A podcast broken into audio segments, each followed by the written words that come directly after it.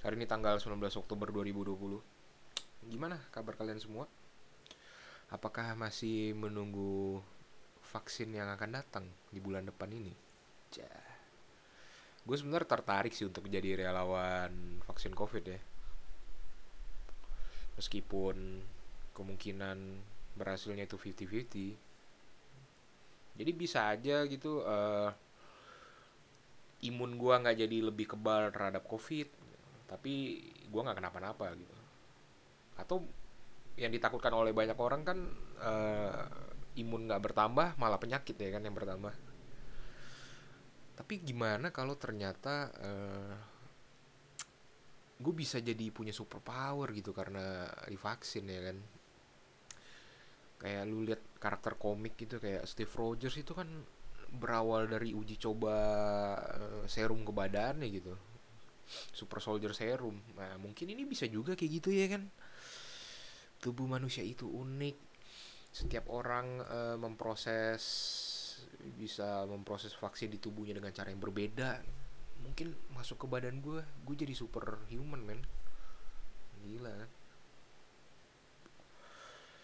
Uh, teman gue juga ada yang baru nikah ya bulan ini. Salut sih gue. Menikah di masa pandemi gitu di tengah ketidakpastian hidup. Dan jelas karena bahayanya penyakit ya. Tapi ya mau gimana ya maksud gue lu nggak mungkin lah nunggu sampai corona tuh bener-bener hilang. Kalau bener-bener hilang tuh kapan? Masa nggak kawin-kawin gitu nungguin corona bener-bener hilang dari muka bumi ya kan? Tapi sebenarnya itu cerdik sih menikah di masa pandemi karena kan otomatis lu nggak bisa bikin acara di gedung dengan isi ratusan orang dong. Nggak bisa kan? Jadi lu mesti bikin acara yang kecil gitu mungkin di rumah atau sekedar di masjid hanya undang orang-orang terdekat ya kan? Eh, nggak uh, perlu catering mahal nggak perlu keluar uang banyak untuk sewa gedung. Itu bisa jadi alasan cuy. Ya kan jadi lu lu meskipun acara nikahnya sederhana ya lu nggak bakal jadi omongan tetangga gitu. Nggak bakal. Orang maklum gitu oh pantas sih dia nikahnya sederhana gitu. Makanannya nggak enak. Ya lagi corona ya. Itu bisa jadi siasat sebenarnya bagi orang-orang dengan budget terbatas ya kan. Menikah lah di masa pandemi ini.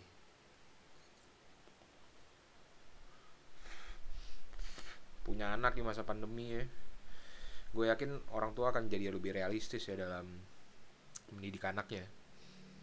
Terutama dalam masalah cita-cita ya gue nggak yakin gitu orang-orang tua milenial ini masih bisa ngomong ke anaknya kamu bebas menjadi apa pun yang kamu mau nak.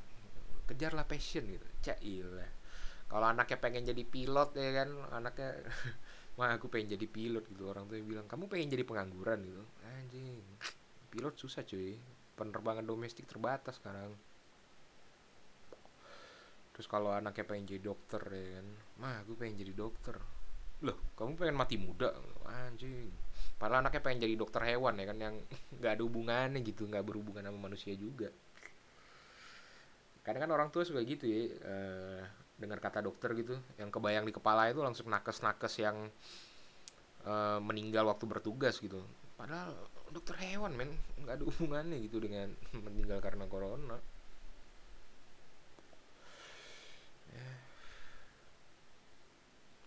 tapi uh, menurut gue sih sebenarnya nggak perlu juga sih lu menekan anak kecil ya anak-anak SD anak-anak TK gitu untuk segera tahu cita-citanya mereka.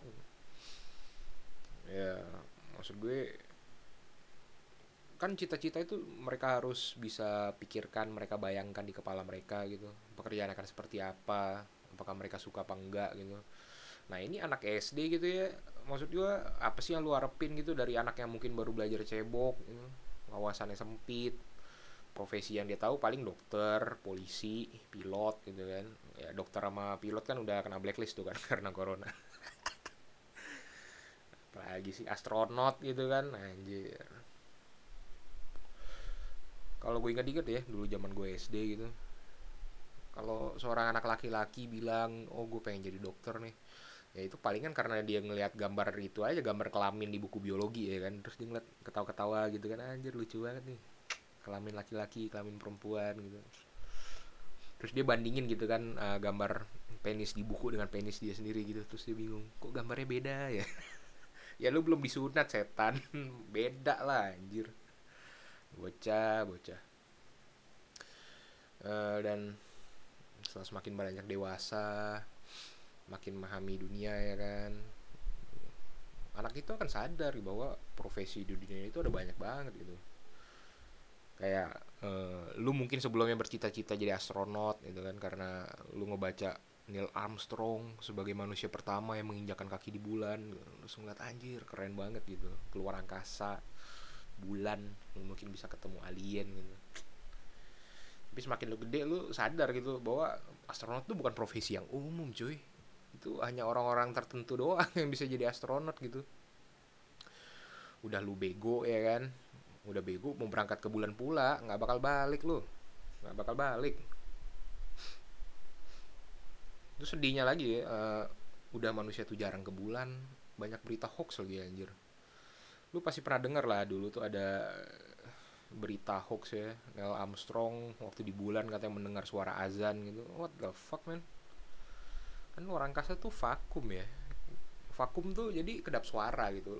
Uh, gelombang suara tuh nggak bisa travel gitu kalau di kondisi vakum gitu. Mana mungkin ada kedengaran suara gitu di luar angkasa bego banget bego dah. Emak gue percaya lagi.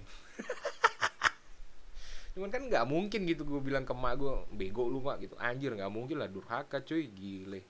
Kutuk jadi batu ntar gue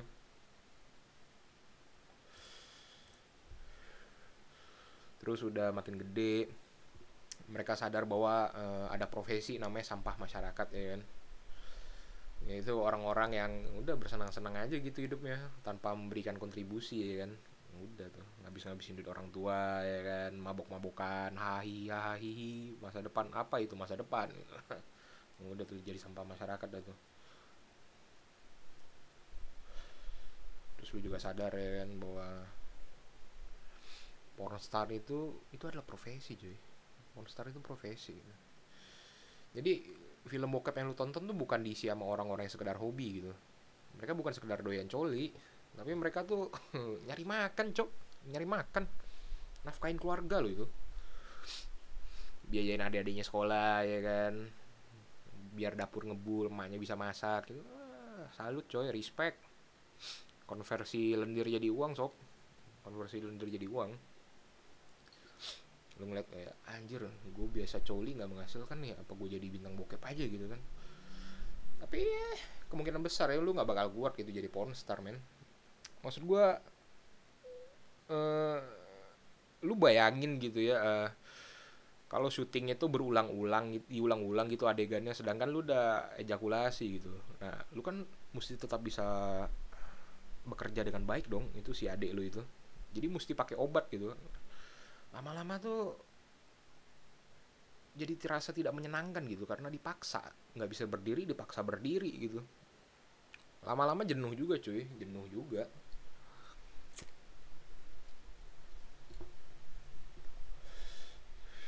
Begitu banyak pilihan ya kan? Profesi yang ada pilihan yang begitu banyak. Tapi kepintaran begitu sedikit ya kan? Jadi bingung ya lu lihat aja deh berapa banyak itu orang-orang yang salah pilih jurusan kuliah ya kan? Pilih sebuah jurusan karena dia ngira oh ini asik nih gitu. Tapi di satu satu dua semester pertama terus cabut gitu. Sial. Kuliah tuh udah privilege ya. Hanya sebagian orang doang yang bisa kuliah gitu. Terus salah pilih. Sial banget cuk sial. Gila tuh sarjana di Indonesia tuh cuman berapa tuh data yang terakhir gue baca? 30 persen. Eh yang bisa kuliah tuh nggak salah cuma 30 persen deh. Dan yang lulus tuh mungkin lebih sedikit dari itu. Apa apa lulusannya ya? 30 persennya gue lupa deh. Pokoknya dikit banget lah. Cuman satu dari tiga orang Indonesia gitu yang bisa kuliah sarjana. Terus sudah hanya satu dari tiga yang bisa kuliah ya. Udah lulus juga banyak jadi pengangguran ya kan sadar bahwa anjir dunia kerja tuh kejam. Gila berat banget hidup. Terus lu mau jadi pengusaha juga susah ya kan? Ternyata pebisnis-pebisnis yang kaya itu ternyata bukan sekedar modal kerja keras ada unsur keberuntungan. Gila ya. akhirnya lu masuk gitu ke dunia yang sesungguhnya gitu kalau kerja ketemu bos yang kayak tai gitu lembur sampai tengah malam. Gaji mungkin nggak seberapa gitu ya kan baru lulus kuliah. Terus lu mulai mempertanyakan kan kayak anjir ini pilihan gue selama hidup nih udah bener apa belum ya? Mulai dari sekolah yang lu pilih jurusan bidang profesi yang lu pilih gitu. Lu mulai ragu gitu sama diri lu sendiri ya kan. Hei saudara-saudara kalau kalian misalnya merasakan hal tersebut ya mungkin kalian tuh sedang ngalamin quarter life crisis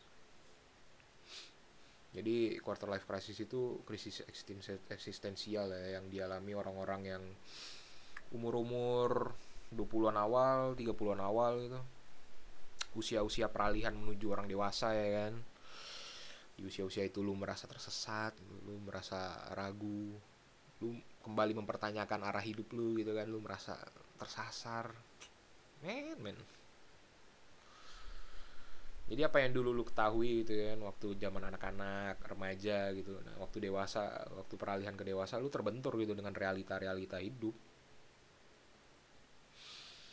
bahwa emang hidup tuh jauh lebih kompleks ya daripada apa yang ada di kepala kita gitu kompleks banget cuy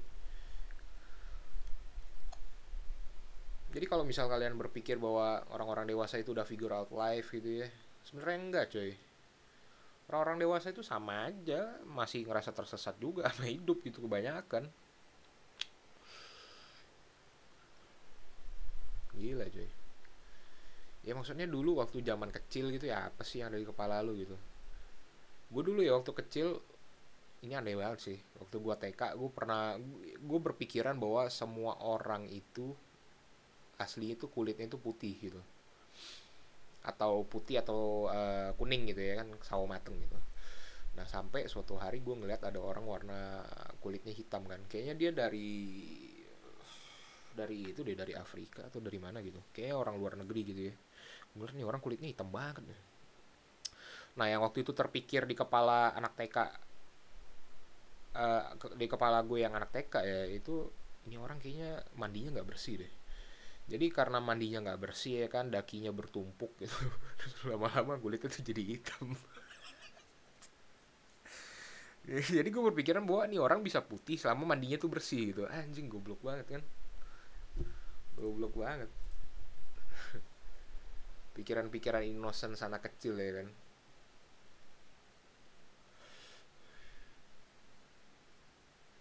Semakin gede kan lu udah sadar kan bahwa oh ternyata ada namanya ras gitu. Ada orang terlahir memang dengan ciri fisik yang berbeda gitu dengan warna kulit yang beda jenis rambut yang berbeda gitu. Anjir kayak gue dari kecil emang rasis lah gue dari kecil nggak punya masalah ya ketemu temen yang agamanya Buddha Kristen gitu tuh gue nggak masalah gitu. Ya suka-suka lo lah tapi giliran ketemu orang kulit hitam tuh gue berpikir oh ini orang kayak mandinya nggak bersih deh. Anjir gila.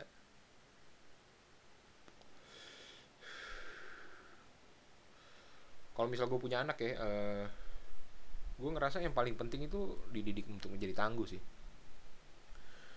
Uh, eh, gue sebagai orang tua akan memposisikan diri gue untuk mendidik bahwa eh Sulai ini kehidupan keras loh.